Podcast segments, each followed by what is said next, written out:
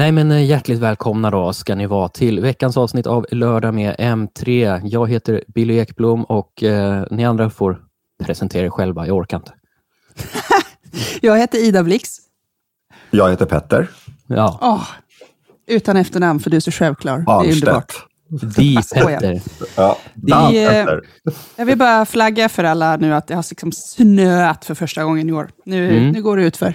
Jag kan säga att här på norra Färingsö så ligger snön, den låg kvar igår när jag kom hem sent på kvällen. Eh, och det gjorde den inte i stan. Ja.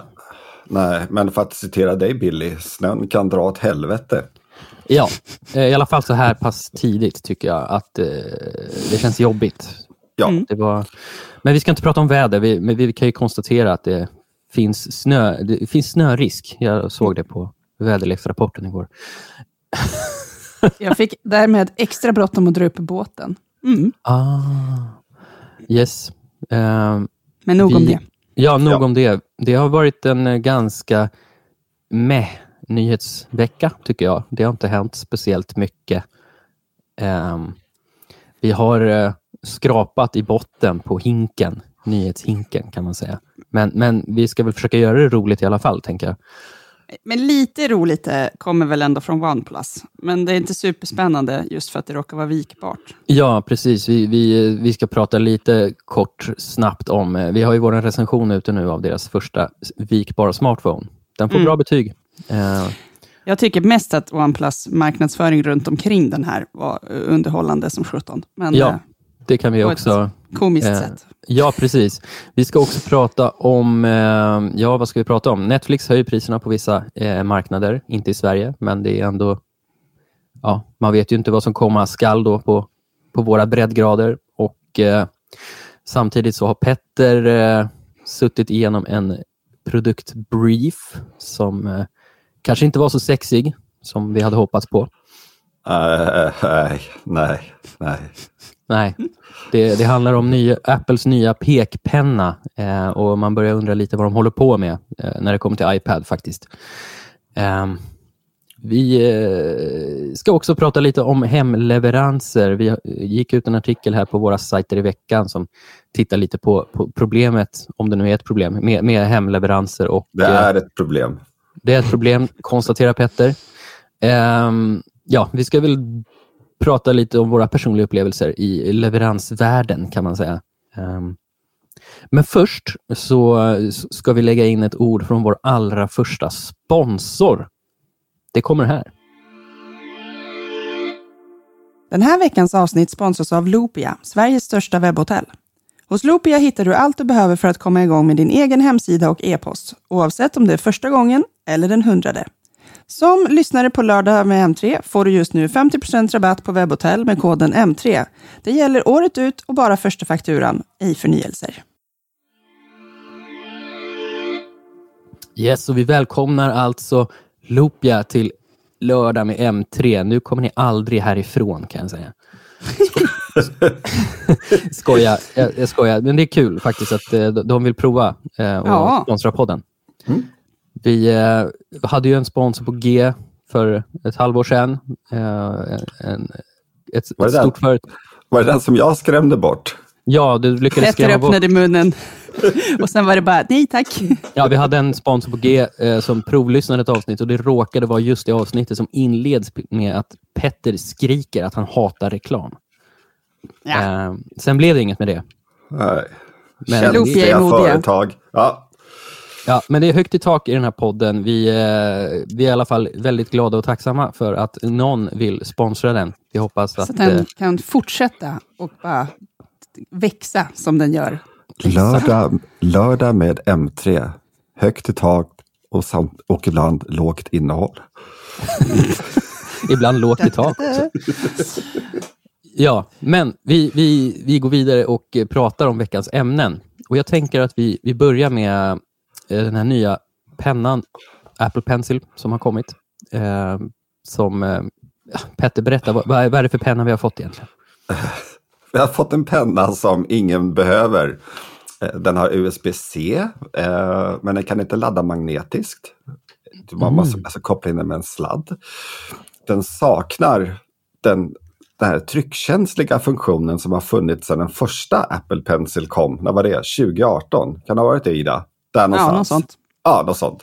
Den är inte tryckkänslig. Och, liksom var, alltså, så Den är varför? också billigast av de nu tre Apple Pencils som säljs. Ja, och den har som sagt inte alla funktioner av de här tre som säljs. Mycket Eh, mystiskt. fullständigt idiotiskt. Alltså jag, fatt, jag fattar inte grejen. Jag fattar inte. Och Nej. jag var då tvungen att sitta igenom då en så, så kallad, alltså många företag, eller de flesta företag, kör ju så kallade briefings då där de berättar för journalister vad är det de ska göra eller varför de har gjort det och sådär. Och du vet, och det var bara så här fullständigt meningslöst. 20 minuter jag aldrig kommer få tillbaka av mitt liv. Men det var ändå bara 20 minuter. Ja, ja något sånt. Ja, det vart väl något längre. Det var någon journalist som hade en massa frågor. Medan alla andra journalister bara såg ut som att snälla, håll käften så vi kommer härifrån.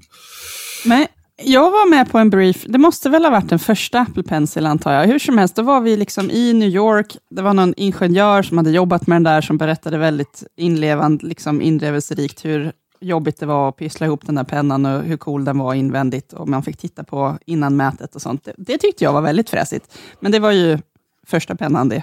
Det var då. det. Ja, ja och, och, och just det här då med att ingen har ju fått, alltså det är inga så här, det var inget testexemplar. Alltså då hade det varit kanske lite mer funktionellt att ha en briefing, berätta lite då så här att man kan då, ja men gör så här, så här och så här.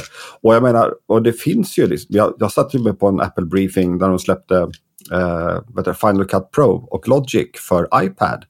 Och den var ju helt fenomenal, jätteintressant och du vet kunna ställa frågor direkt till produkt, de produktansvariga och sådär. Så att det var ju liksom, och så, det finns ju jättebra produktbriefings men den här, så herregud. Känns lite konstigt.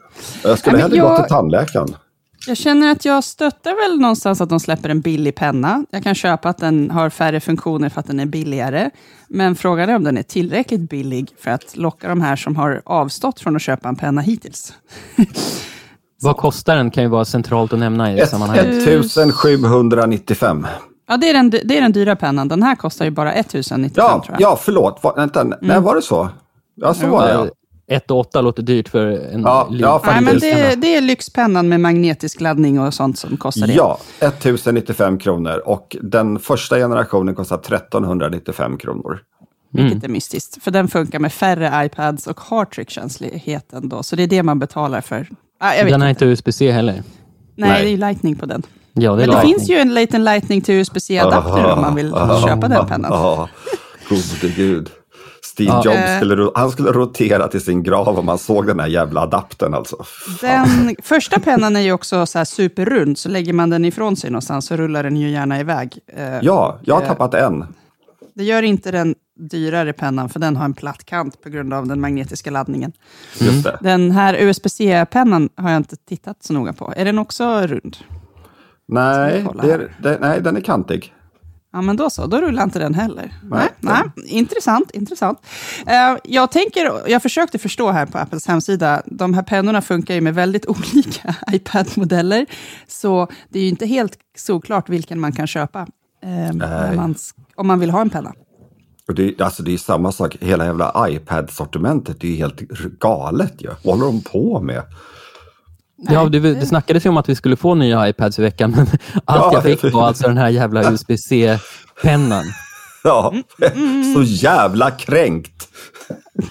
Ja, alltså det var, men det var ju också stor förvirring som föregick den här, för det Ja. hade ju läckts rykten som eh, Ja, nya häftiga paddor och liksom... jag, jag, tror att, jag tror att det var Apple som gjorde en sån här rökridå för att se vem det är som läcker.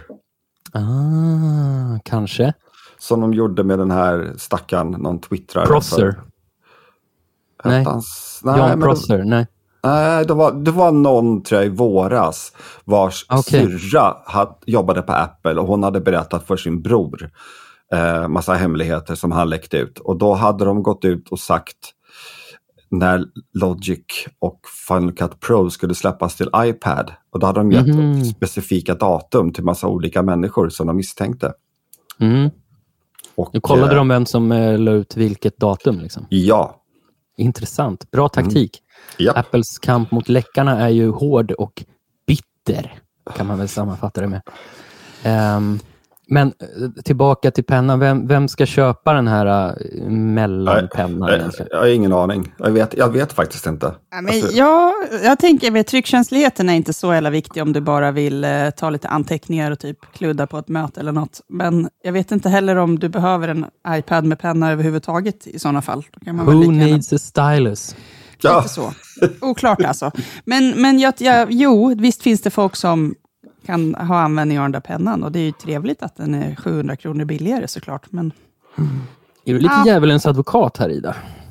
Alltså, jag försöker ju älska Apple Pencil själv. Jag har liksom provat många tillfällen och bara... Ja, ibland är den användbar och ibland inte så användbar. Alltså ibland så tycker jag att den kan till och med vara helt fantastisk. Som Mm. var, jag skulle signa något så här uppsägningskontrakt på någonting och det gick inte att det är göra mycket digitalt. snyggare med en penna än med ett finger. eh, Liksom. Ja, absolut. Eh, och, och då är den ju vet, superbra, men det är ju så sällan man gör det. Jag behövde Mm. också rita till en liten grej i en digital karta som vi har, ja, strunt samma varför. Men då var det också väldigt lätt med pennan istället för med fingret. Och så här, här ska det vara en stig, kolla, du, du, du, pil här. Eh, Sådana saker är väldigt mycket enklare tycker jag. Men jag vet inte om det är värt Mhm. Åh, 800 kronor. jag, jag, vet, jag vet faktiskt om man använder Final Cut Pro på iPad, Ja, då var det fiffigt. Det såg då jag. är den grym. Mm. För då, då kan man liksom rita sina egna såna här animeringar direkt liksom på skärmen. Det är ju för sig kul. Kul Ja. och kreativt. Ja. Men ehm, bortsett pennan då, alltså, var det här det vi fick från Apple under hösten eller kan det komma något mer? Ja, det, det kan, alltså, samt, samtidigt så kan det vara så att nästa vecka så bara puff kommer det någon iPad. Jag vet inte. Mm. Eh, alltså, De har de, blivit lite oberäkneliga. Ja, och de har ju locket på. Alltså, Mm. du vet, jag har ju jobbade ju där som PR-ansvarig för en herrans massa år sedan. Och eh, vi, vi fick inte heller veta. Alltså vi fick veta samma dag som en produkt skulle släppas. Då fick vi läsa liksom, vad det är som kommer. Stressigt. Ja, men efter ett tag kunde man räkna ut vad det var. Men, Mm. men li, lika ofta så kunde det också vara så här, vet, klockan två så fick man ett mejl från chefen där det var så här, pressrelease ska ut om 30 minuter. Och så kunde det vara någon så halvstor grej som släpptes. Mm, mm, mm. Intressant inblick i PR-branschens förlorade värld. Ja, Eh, saknar du någonsin att jobba med tech-PR, Petter? ja och nej. Eh, alltså ibland var det jätteroligt, eh, men ibland så var det... Alltså just när man hade sådana här produktbriefings eh, och Mm. man följer ju då hela tiden ett skript som man har. Alltså, du vet, och det får man ju inte avvika ifrån. Och det var någon gång när jag skulle, jag lanserade, jag tror det var någon iPad 2 tror jag det var. Och jag träffade journalister i Sverige, Danmark, Norge, Finland, Polen. Typ så här, säg mellan 15 och 20 stycken i varje land. Ehm, och då hade man så här one-to-ones, alltså man sitter ensam med någon, eller ibland så kunde det vara två stycken journalister Mm. samtidigt. Ehm, och du sitter och drar samma skript hela tiden. Alltså till Mm. slut, alltså, och vet, alltså, jag på att avlida mot slutet. Mm. Eh, men eh, samtidigt så var det ju kul att eh, sitta på ett företag som Apple. Mm. Så var det teknik som folk tycker om. Och, och, men eh, vet, jag tror att när iPad skulle lanseras i Sverige så var jag jag stängde av telefonen och hade ett läkarbesök. Så jag hade telefonen på ljudlöst i en timme. Det var dagen innan. Mm. Och när jag kliver ut ifrån läkarmottagningen, då hade jag, jag hade så här 70 missade samtal. Ja, hektiskt. Ja, men, eh, Hektiskt, ja. sen så, men, men som sagt, alltså, det, det är ge och ta. Jag jobbade, på, jag jobbade för Marshall ett tag också och där var, ju- det Mm. var ju skitkul. För det var ju liksom så här fest och rock'n'roll när man lanserade produkter. Mm, mm. Jag har varit på en Marshall eh, sån där event och då fick man åka gammal dubbeldäckare ut till någon lada och titta på livemusik. Det var ju häftigt alltså. Ja, Det finns ju pressbriefings och pressbriefings kan man säga. Ehm, Ja. Vi har varit igenom alla, alla möjliga. Men ja, vi lämnar ämnet och eh, går vidare. Yes, och då är det ju så att det är synd om jänkarna, britterna och fransmännen just nu, för där ska Netflix höja sina priser på basic och premiumabonnemangen. Igen. Mhm. De höjde i Rätt januari rätt mycket. 2022. Det var rätt Ja, mycket ja. också. Ja, det är, det är två respektive tre dollar dyrare i eh, månaden då. Eh, det, det kommer ju märkas. Liksom. 20-30 Beroende på- spänn. Ja. Mm. Ehm, och det finns ju inget sagt om Sverige då. Eh, och där, Men det kommer. I, i, ja, det, det, det gör det ju alltid. Liksom. Men, eh, och de, de förklarar ju höjningen, det är ganska enkelt. Eh, As we continue to add more value, we also ask our customers to pay a bit more. Vad är value eh, i den här frågan egentligen? Ja, Vad har de lagt till då? Så här, en ny serie? Woho! Nej, jag vet inte. Mm, Jag Mycket, tycker, jag tycker många, många serier som kommer från Netflix är inte bra. Alltså det finns, Nej. det finns, ju, guld, det finns ju guldkorn, men mycket är liksom så här, alltså jag kollar, jag, jag, jag har betalat för Netflix nu i, jag vet inte hur många år. Och sen igår så kom jag på att jag tittar ju inte på Netflix, så jag sa upp mitt abonnemang. Ja, det är en eh, kärlekshistoria som tar slut. Ja, och fram till och med mars, för då kommer de släppa den här Formel 1-serien Drive to Survive, säsong 5 eller 6. Och då kommer jag Mm. koppla på mig en, må- en månad, och sen får det vara. Mm. Jag funderar ju på om de eh, använder, alltså de intensifierar ju sin eh, spelsatsning. Va? De, eh, de har ju kört på sina Netflix Games här i snart två år och den satsningen har ju växt ganska mycket. Och eh, var det nu- de som önskade sig GTA, typ? Ja, Netflix eh, har ju haft samtal då enligt källor med eh, Rockstar Games om något GTA-spel. Man vet inte vilket. Eh, men de, det sägs ju att de vill nu satsa lite mer på kvalitetstitlar i sin spelsatsning och en del i det leder till ju också att möjliggöra strömning från våra telefoner till tv-apparater och datorer. Ehm, och, och det är klart att sådana satsningar kostar pengar. Ehm, men men eh, att de skulle använda spelen som argument för att ge mer value, alltså är det det som har varit tanken hela tiden kanske?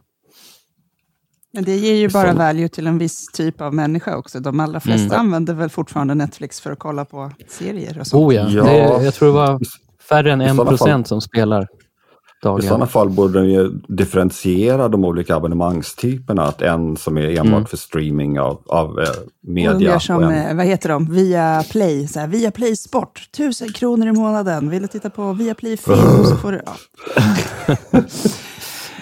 Eh, ja, men det är väl en tanke. Jag kan Mm. tänka mig att eh, Via Play, skulle vi ju- lever i om det då är 2002. om det då bara är typ en procent som använder gaminginnehållet så skulle de ju inte få in så mycket extra cash på det nej, förstås. nej. Men, eh, Eh, vi- men vi får väl se vad, vad som händer på det området och inte minst i Sverige. Det som står klart är ju, de har ju lagt ut sina siffror här för tredje kvartalet och det är att de, jag tror de har fått eh, drygt 8,8 miljoner nya prenumeranter.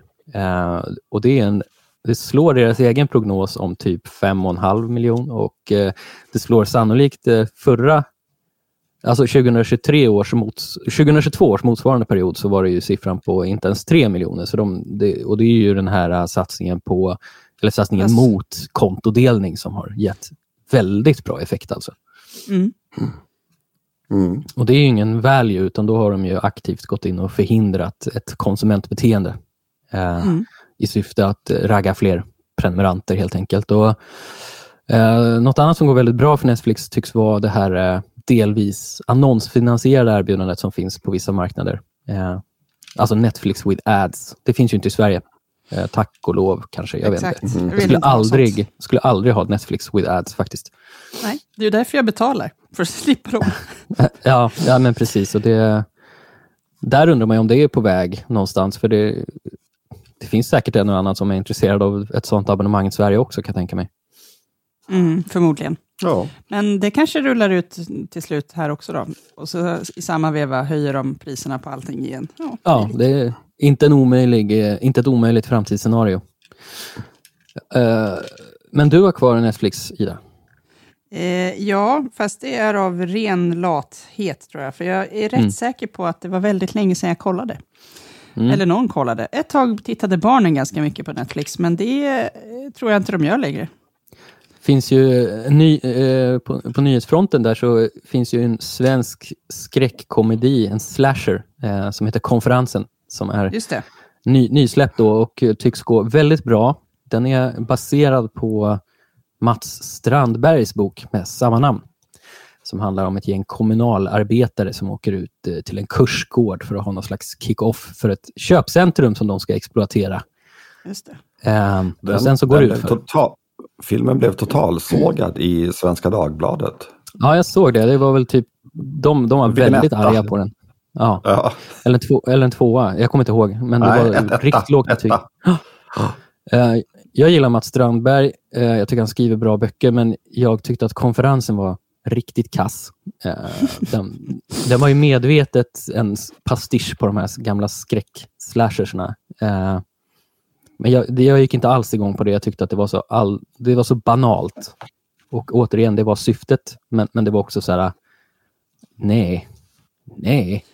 Men du som mer. är fotbollsmänniska måste jag kolla på Beckham-grejen. Nej, Som alla pratar om. Nej, jag är fullständigt Nej. ointresserad av David Beckham. Eh, Men vilket levnadsöde! fullständigt Nej. ointresserad av Manchester United. Eh, Ja, däremot så ska jag kolla på eh, huset Ushers undergång. Eh, det är en ny, ny skräckserie eh, som, Mhm. som, som har fått väldigt positivt mottagande. Apropå skräck, jag vill faktiskt slå ett slag för filmen Tucker and Dale vs. Evil från 2010. Om man vill Mm. se en ny take på skräckfilmer. Så den är helt fenomenal. Jätterolig. Ny, en ny take från 2010. Det, det, ja. men det ska kollas in. Det ska kollas in. Ja, gör det. Tucker Ja. and Dale vs. Evil. Jag vet inte om det finns på streaming, men den går säkert att hyra på SF Anytime eller något sånt där. Eller, Eller i den Apple. lokala VHS-butiken kanske. Ja. Vi, vi går vidare och byter ämne. Och, eh, Ja, vilket ämne ska vi byta till? Eh, Mm, vi kan ju prata lite om hemleveranser, tänker jag. Vi har eh, haft en artikel i veckan på, på M3 och PC för alla. Som, som, eh, det är lite nästan eh, lokaltidningsbesvikelse över det, för det är några som vittnar om problematiska hemleveranser, men det är också det tar ju tempen på, på hur det ser ut i Sverige och eh, utgår delvis från Trustpilot-betyg, vilket ju alltid är lite problematiskt eftersom det tenderar att vara missnöjda personer som skriver recensioner där. Eh, men men den, den jämför också ganska mycket nya och äldre aktörer. Alltså nya aktörer, det är de här så, bolagen som börjar som startups i många fall och tar in riskkapital. Eh, Men, men på, jag vill också Ja. bara, förlåt att jag avbryter, alltså det är också en jämförelse då med att Anders Lundberg som har skrivit artikeln, han bor ju i Skottland. Mhm. Eh, och han säger att också att han jämför ju då hur det är i Sverige och där med att få hemleverans. Där Och kan man minsann få eh, last mile-leverans även om man bor på Orkneyöarna. Eh, Ja, det, ja, men alltså, att det i Sverige kan vara väldigt krångligt att få, få, få eh, paket hemlevererat och eh, också att fler paket än önskat landar på sådana här uthämtningsställen. Folk, det, är fler, alltså det finns eh, det är högre efterfrågan på hem-hem-leveranser än vad som levereras i dagsläget. Um, och eh, uh, UPS och DHL är ju två av drakarna som pekas ut, uh, eller pekas ut som, som det finns lite problem kring, eller vad man ska säga. Eh, uh, UPS har väl de flesta varit med om att så här, nej, paketet kunde inte levereras trots att man sitter hemma och väntar med mobilen. Liksom. Att de saltar paketet liksom, och slänger det på någon terminal någonstans. Med, medan de här ny, nybildade, relativt då, last mile-bolagen gör bättre ifrån sig. Eh, jag tänker på Bring och Budbee och så vidare. Vad, eh, alltså om man tittar på er, eh, Ida, du sa innan vi började spela in att du har väntat på en matleverans i tre dagar.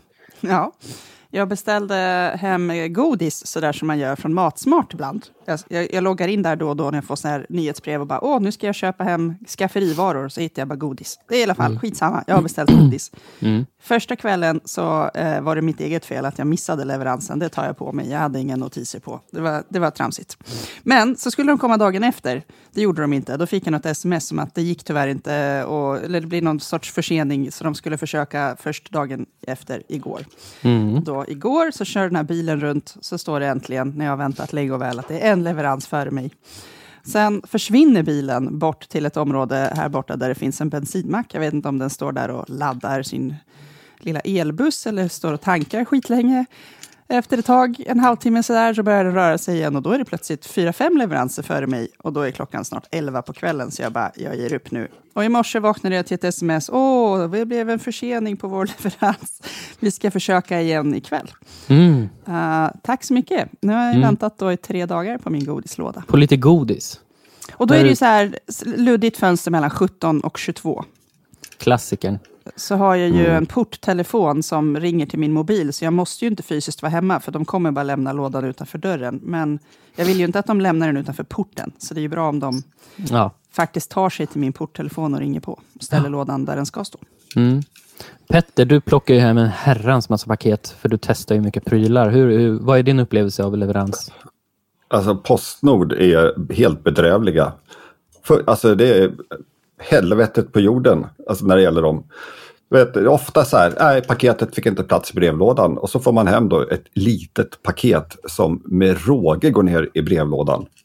Eh, och sen så det här, eh, de här, de här mindre, de har jag faktiskt rätt bra erfarenhet utav. De brukar komma faktiskt. Eh, ibland sent på kvällen men ändå att de kommer.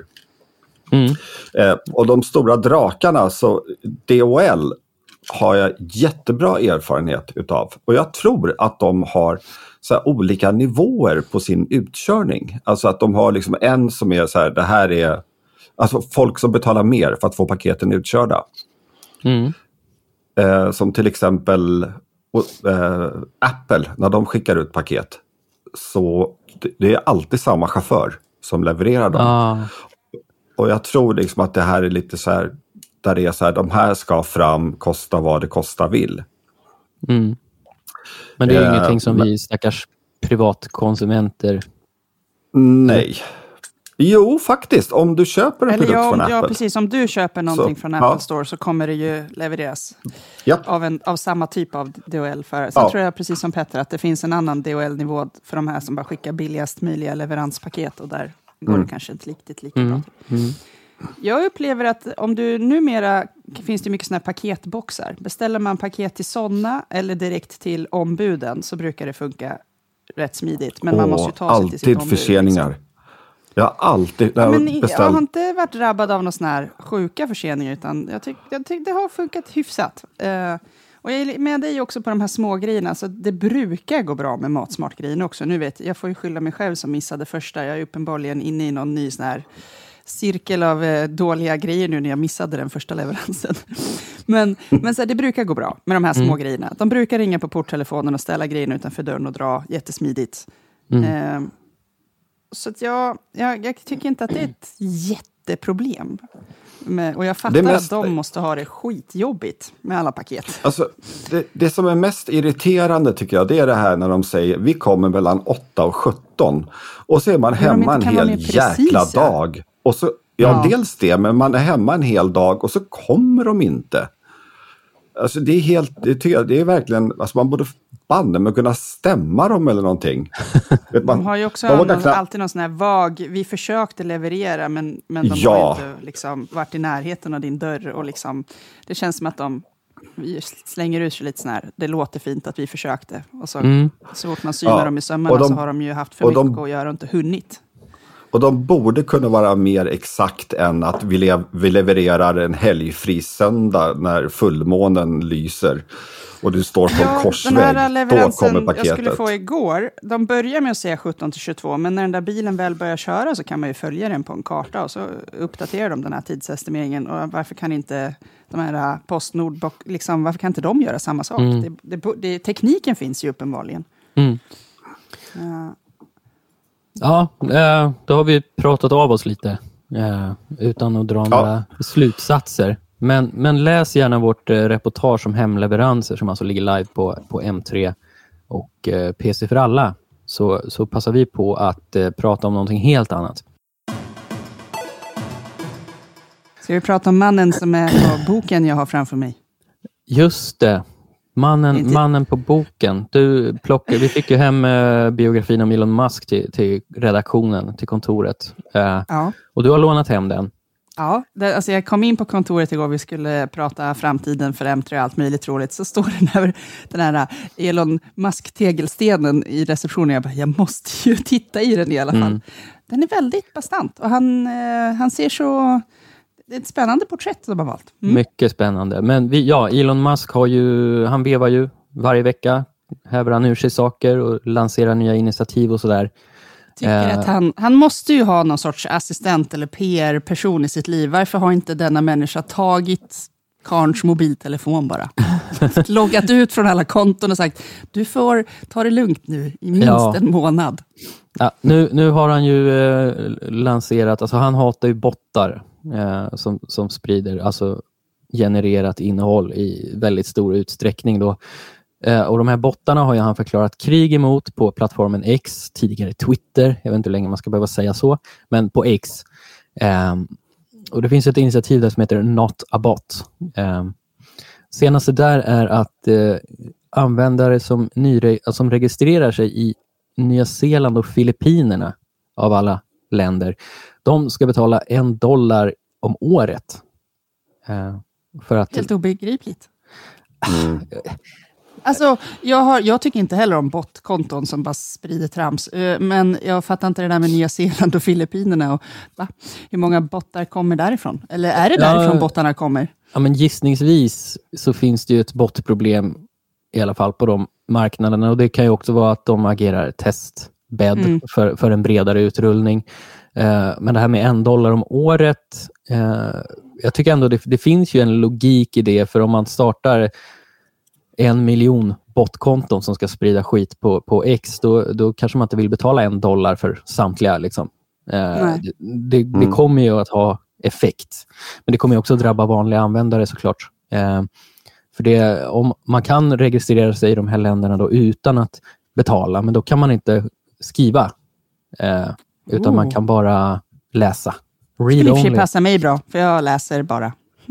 ja, nej, men precis. Jag, jag startade ett eh, Twitterkonto när jag pluggade journalistik, tror jag. Och skrev mm. ett inlägg. Sen är, har jag inte gjort så mycket mer. Jag känner ju att eh, Facebook vill ta betalt för sina verified-konton och X vill ta betalt och så vidare. Snart för, tycker varenda konto tydligen att jag ska mm. pröjsa på något sätt för att få använda deras tjänster. Ja, jag känner det en... att det jag får tillbaka är inte värt pengarna. Liksom. Det är en trist utveckling faktiskt. Eh, ja. Att man ska behöva betala för det också när man har så mycket annat att betala för här i världen. Eh, Men hela X är ju en trist utveckling sen eh, Musk tog över.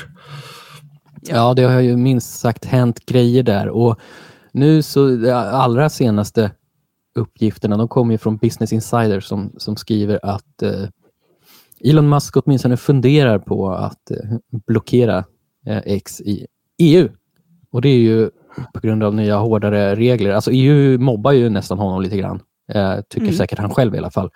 Eh, anklagar X för att vara en, eh, den största sociala plattformen där det sprids desinformation, tror jag. Mm. Eh, och vi har ju inom EU då det här nya regelpaketet som heter Digital Services Act som handlar om att skydda användarna mot den typen av innehåll. Och han verkar inte så sugen på att implementera nya hårdare regler på plattformen då, om det är så att han faktiskt funderar på att blockera tjänsten i EU. Krockar det här med hans uh, uttalanden om att X inte ska vara något censurerat ställe och sånt? Är det liksom ja, någon de, principfråga för honom då kanske? Det kan det nog vara. Han är också men, känd men, för... för ja. ja, nej, jag Fortsätt. tänkte bara säga just, just det här att det här med free speech som han håller på och orerar om. Alltså, det är liksom Alltså det är en...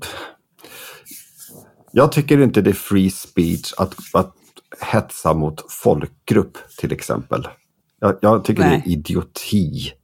Eh, att Eller de sprida... här foliehattarna som babblar om att vaccinet är dåligt och sånt där. Alltså det finns ja. ju en ansenlig mängd Eh, inlägg som vi skulle må bra av att vara utan. Ja, och rysk propaganda som Elon Musk själv då har retweetat. Eh, alltså det... Alltså det är svårt. Alltså jag, det är ju svårt det här. Var, var, var, var någonstans ska man dra gränsen? Men alltså...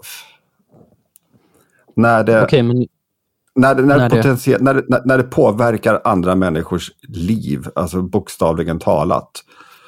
Där måste man ju då dra en gräns. Att det här är inte, det här är inte acceptabelt. Det var jag tycker. Jag håller med. Jag håller med. Ehm, Jag har en fråga till er också. Det är att om det nu skulle bli så att X blockeras i EU, skulle ni sakna tjänsten? Nej, Nej. Jo, jag skulle jag sakna varit... eh, ett, jag skulle sakna ett parodikonto, not Johnny Ive. Det skulle jag sakna. Det är ett roligt Apple konto. parodikontot. Ja, men det är roligt. Nej, men Ja, jag är ingen, och ingen aktiv, eh, ingen aktiv Twitter-användare alls. Men däremot så får man ju ta del av chockerande mycket Twitter-innehåll eller X-innehåll på typ Instagram. Alltså Mm. folk tar screenshots och delar. Mm, mm. Så eh, antagligen så skulle man ju fortfarande få ta del av ganska mycket X-innehåll på den vägen. Troligtvis, troligtvis. Eh, så nej, jag skulle inte sakna det ett dugg. Eh, det var ett tag ett väldigt hett eh, liksom, medie för journalister, som du var inne på Billy, men jag upplever att det kanske inte är det på samma sätt längre. Inte i samma utsträckning. Det finns ju också eh, mediehus som aktivt väljer att inte publicera där längre Just det. i Sverige. Jag har också en massa Eh. kompisar som försöker lura in mig i det här uh, Mastodon-världen, som jag fortfarande inte helt begriper, men, men uh, vem får se. Jag kanske Mm. blir aktiv där istället. Kanske. Alltså det, Mastodon är lite för krånglig. Jag fattar inte riktigt det. Jag, Visst jag är det har, det? Jag har ett, Jag jag har heller ett konto, helt. men det är liksom så här bara, hopp, vad händer nu? Och man tillhör någon grupp av något slag och sådär. Nej, jag Ja. fattar inte. Väldigt mystiskt. Men att de sociala tjänsterna skyr EUs nya regler är ju, det är inte så förvånande. Ja, titta på alltså, Metas egen, alltså Threads. Threads. Det, finns ju inte, det finns ju inte i EU, väl? Nej, Nej, nej, jag tror inte det. det finns ju Eh, Däremot till det så också. finns thread-knappen liksom i appen som är väldigt förvirrande. Men, Mm. eh, och det är samma med threads, det är väldigt mycket X-innehåll som delas där. Mm. Jättekonstigt.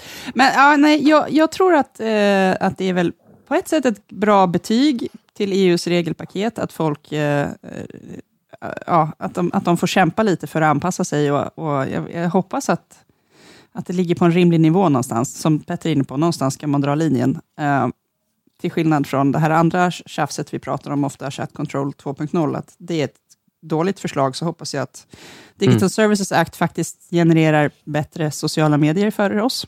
Mm. Men om de allihopa försvinner från EU, då har vi ju misslyckats. Så är det ju. Mm. Mm.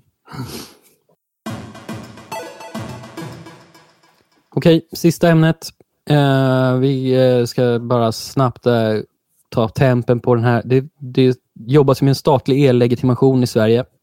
Eh, Sverige är ett av väldigt få EU-länder som saknar en e-legitimation på den högsta tillitsnivån. Eh, det tycker inte EU är bra. De lägger sig i det mesta. Eh, men, men Sverige jobbar ju på det. Eh, det finns eh, en utredning för det som ska vara klar. Eh, slutbetänkandet ska vara klart eh, 31 maj nästa år. Ehm, har ju tidigare eh, granskats av Myndigheten för digital förvaltning, alltså DIGG. De föreslår att eh, det ska ligga på ett eh, fysiskt kort istället för i mobilen. Och en, Det har ju också nu statens utredare kommit fram till att det här, den här kommande statliga e-legitimationen gör sig bäst på ett fysiskt kort. Bu. Eh, Buhu! ja, Ja, det finns ju anledningar till det. Eh, en anledning är att man inte vill hålla på och certifiera en massa nya telefoner hela tiden. Eh, men också att man på sikt då vill bygga in eh, e-legitimationen i vanlig fysisk legitimation. Eller vad man ska säga. Eh, lösningen ska ju då bestå av ett eh, NFC-chip som gör att både mobiler och vanliga eh, läsare kan läsa av det här. Men eh, det är ju intressant att vi har så, så här länge ändå nöjt oss med eh, mobilversioner och då alltså bankernas egen bank-id. Eh, och att det har dröjt så länge för, för den svenska staten att faktiskt eh, presentera ett alternativ. Är det för att liksom, statsministrarna som har varit, de har varit fullt nöjda med BankID och tänkt det här funkar så smidigt? Jag vet Men jag, jag, tror absolut att det har funnits, eh, jag tror absolut att det har funnits en eh, nöjdhet. Vi har ju också utmanaren Freja EID då, som, Ja. och de här två tillsammans har ju, eh, det, det finns en bred eh, adoptionsgrad. Alltså det är väl, Det funkar väldigt bra, tycker Ja. jag, numera. men de är ju inte godkända då för, för EU-användning. Eh, alltså Ja, det. på alla då sätt som EU efterlyser åtminstone. Och det är ju därför vi jobbar med det här IDet. Mm. Men ingen av er var särskilt pepp på det fysiska kortet här. Nej, alltså hela, eh, ge- hela grejen Betyder det är här att jag måste ha det här fysiska kortet, typ som med min dumma bankdosa med ett kort jag aldrig använder, eh, att man så här måste plugga i, ha det här fysiska kortet och typ scanna det med, inte vet jag, mobilen då för att legitimera vissa saker. Det verkar ju skitjobbigt. Mm. Alltså hela grejen är att man vill slippa det här med att ha med sig kort och ja, hela den biten. Mm. Alltså det är, alltså jag kan ju förstå, det, det kan ju vara bra att ha ett fysiskt kort. Här får du ett fysiskt kort. Du kan lägga in det i din telefon också. Om du skulle tappa bort din telefon så har du kvar ditt kort. Jättebra. Mm. Mm. Men att bara ha ett fysiskt kort, nej, nej. Alltså hela, mitt liv går ut på att bli av med alla sladdar jag har hemma och alla kort. Mm. Det är vad jag vill. Ja, vi, Halleluja! Ja, jag är också med Team Petter här. vi får se var det landar, för det är som sagt eh, det är ett tag kvar till det här slutbetänkandet ska lämnas in och först därefter så vet vi mer om hur det faktiskt kommer att utformas. Eh, Jag tänkte bara så vi inte glömmer bort det, vi, vi snackade lite om OnePlus Open i eh, inledningen Ja. av avsnittet. Mattias Inge har recenserat, eh, han visade den också för oss under en lunch och eh, det är alltså OnePlus första vikbara telefon. Eh, De påstår också att det är den bästa vikbara telefonen. ja, Alla Men det är väl inte så hög tröskel för att bli det. nej. Det, Det är ju eh, Samsung och Motorola, yes. typ. Eh, Så eh, Mattias Inge i sin recension, han, han ger i alla fall telefonen 4 av 5 i betyg. Han välkomnar konkurrensen. Eh, och det gör väl, alltså, han, han konstaterar också att det är väldigt, eh, det går långsamt. Alltså det släpps inte mycket nytt på, på den vikbara fronten. Eh, något som jag reagerade på och som han också reagerade på var att den var väldigt dyr. Alltså OnePlus Open, även om det är en väldigt bra telefon så kostar den 22 000 Aj! Eh, Är, Ja. är det för liksom grundmodellen? Det är Ja, inte visst. så här. Nej, det är 22. 22 lax får du lägga eh, för en vikmobil. det kändes inte så OnePlus. Nej, OnePlus eh, de har ju gått tillbaka lite till det här prispressande tänket med åtminstone senaste OnePlus 11. Då. Och så lanserar de plötsligt den här superpremium-mobilen. Eh, Crazy Problemat- problematiskt i sammanhanget är också att den bara är garanterad tre års säkerhets eller Android-versioner, vilket, vilket är lågt numera. Mm. Eh, det är en väldigt snygg telefon. Uh, ytterskärmen fick jättebra omdöme av Mattias, men den är också väldigt eh, kompetent i utvikt läge. Jag reagerade på att uh, kameramodulen är enorm. Ja, Mm. Alltså den, jättestor. En stor rund eh, grej som tar upp typ hela baksidans bredd, så här, ja, när den var ihopvikt. kamerorna är bra, men, men just det utstickande, alltså det är en väldigt tunn vikbar, minus då kamera, kameramodulen som är totalt Mm. jättestor. Eh, Mattias sa en intressant sak på den här lunchen. Han sa, varför stoppar de på den här gigantiska kameramodulen? Varför nöjer de sig inte bara med en sån här liten typ selfie-kamera för någon sorts videomöten och that's it? Varför ska man ha den där blaffa grejen där bak på? Och jag tyckte det var ganska intressant, för jag ser framför mig att folk som vill vara typ, jag vet inte, produktiva och köper en sån här mobil, de eh, kanske springer runt i typ kostymer och grejer. Mm. Och så tänker jag, de fotar förmodligen inte så mycket. Eller gör de det? Det tror jag nog ändå att de gör. Eh, men nu är det en toppkamerarigg i den här mobilen och det är säkert delvis därför också som priset är så högt.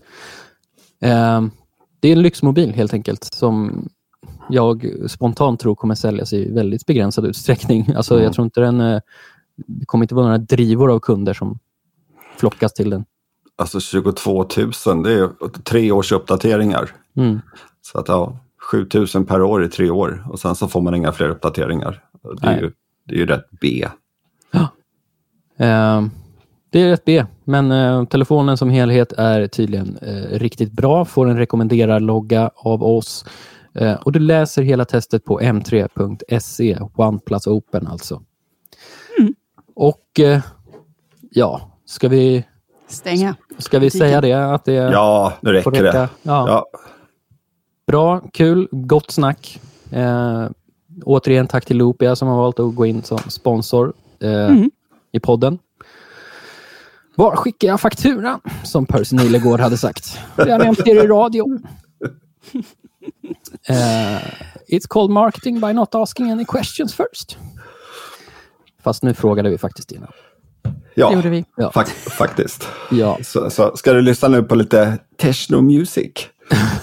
ja det tänker jag faktiskt göra. Eh, sen ska jag gå in till mina koreanska adoptivpäron och eh, Åh. brygga en kopp kaffe. My Eh, favorite. Tack, för, uh, tack till alla er som eh, lyssnar på våran podd. Det är kul att ni lyssnar. Eh, vi hörs igen om en vecka i planen. Hej då! Hej då!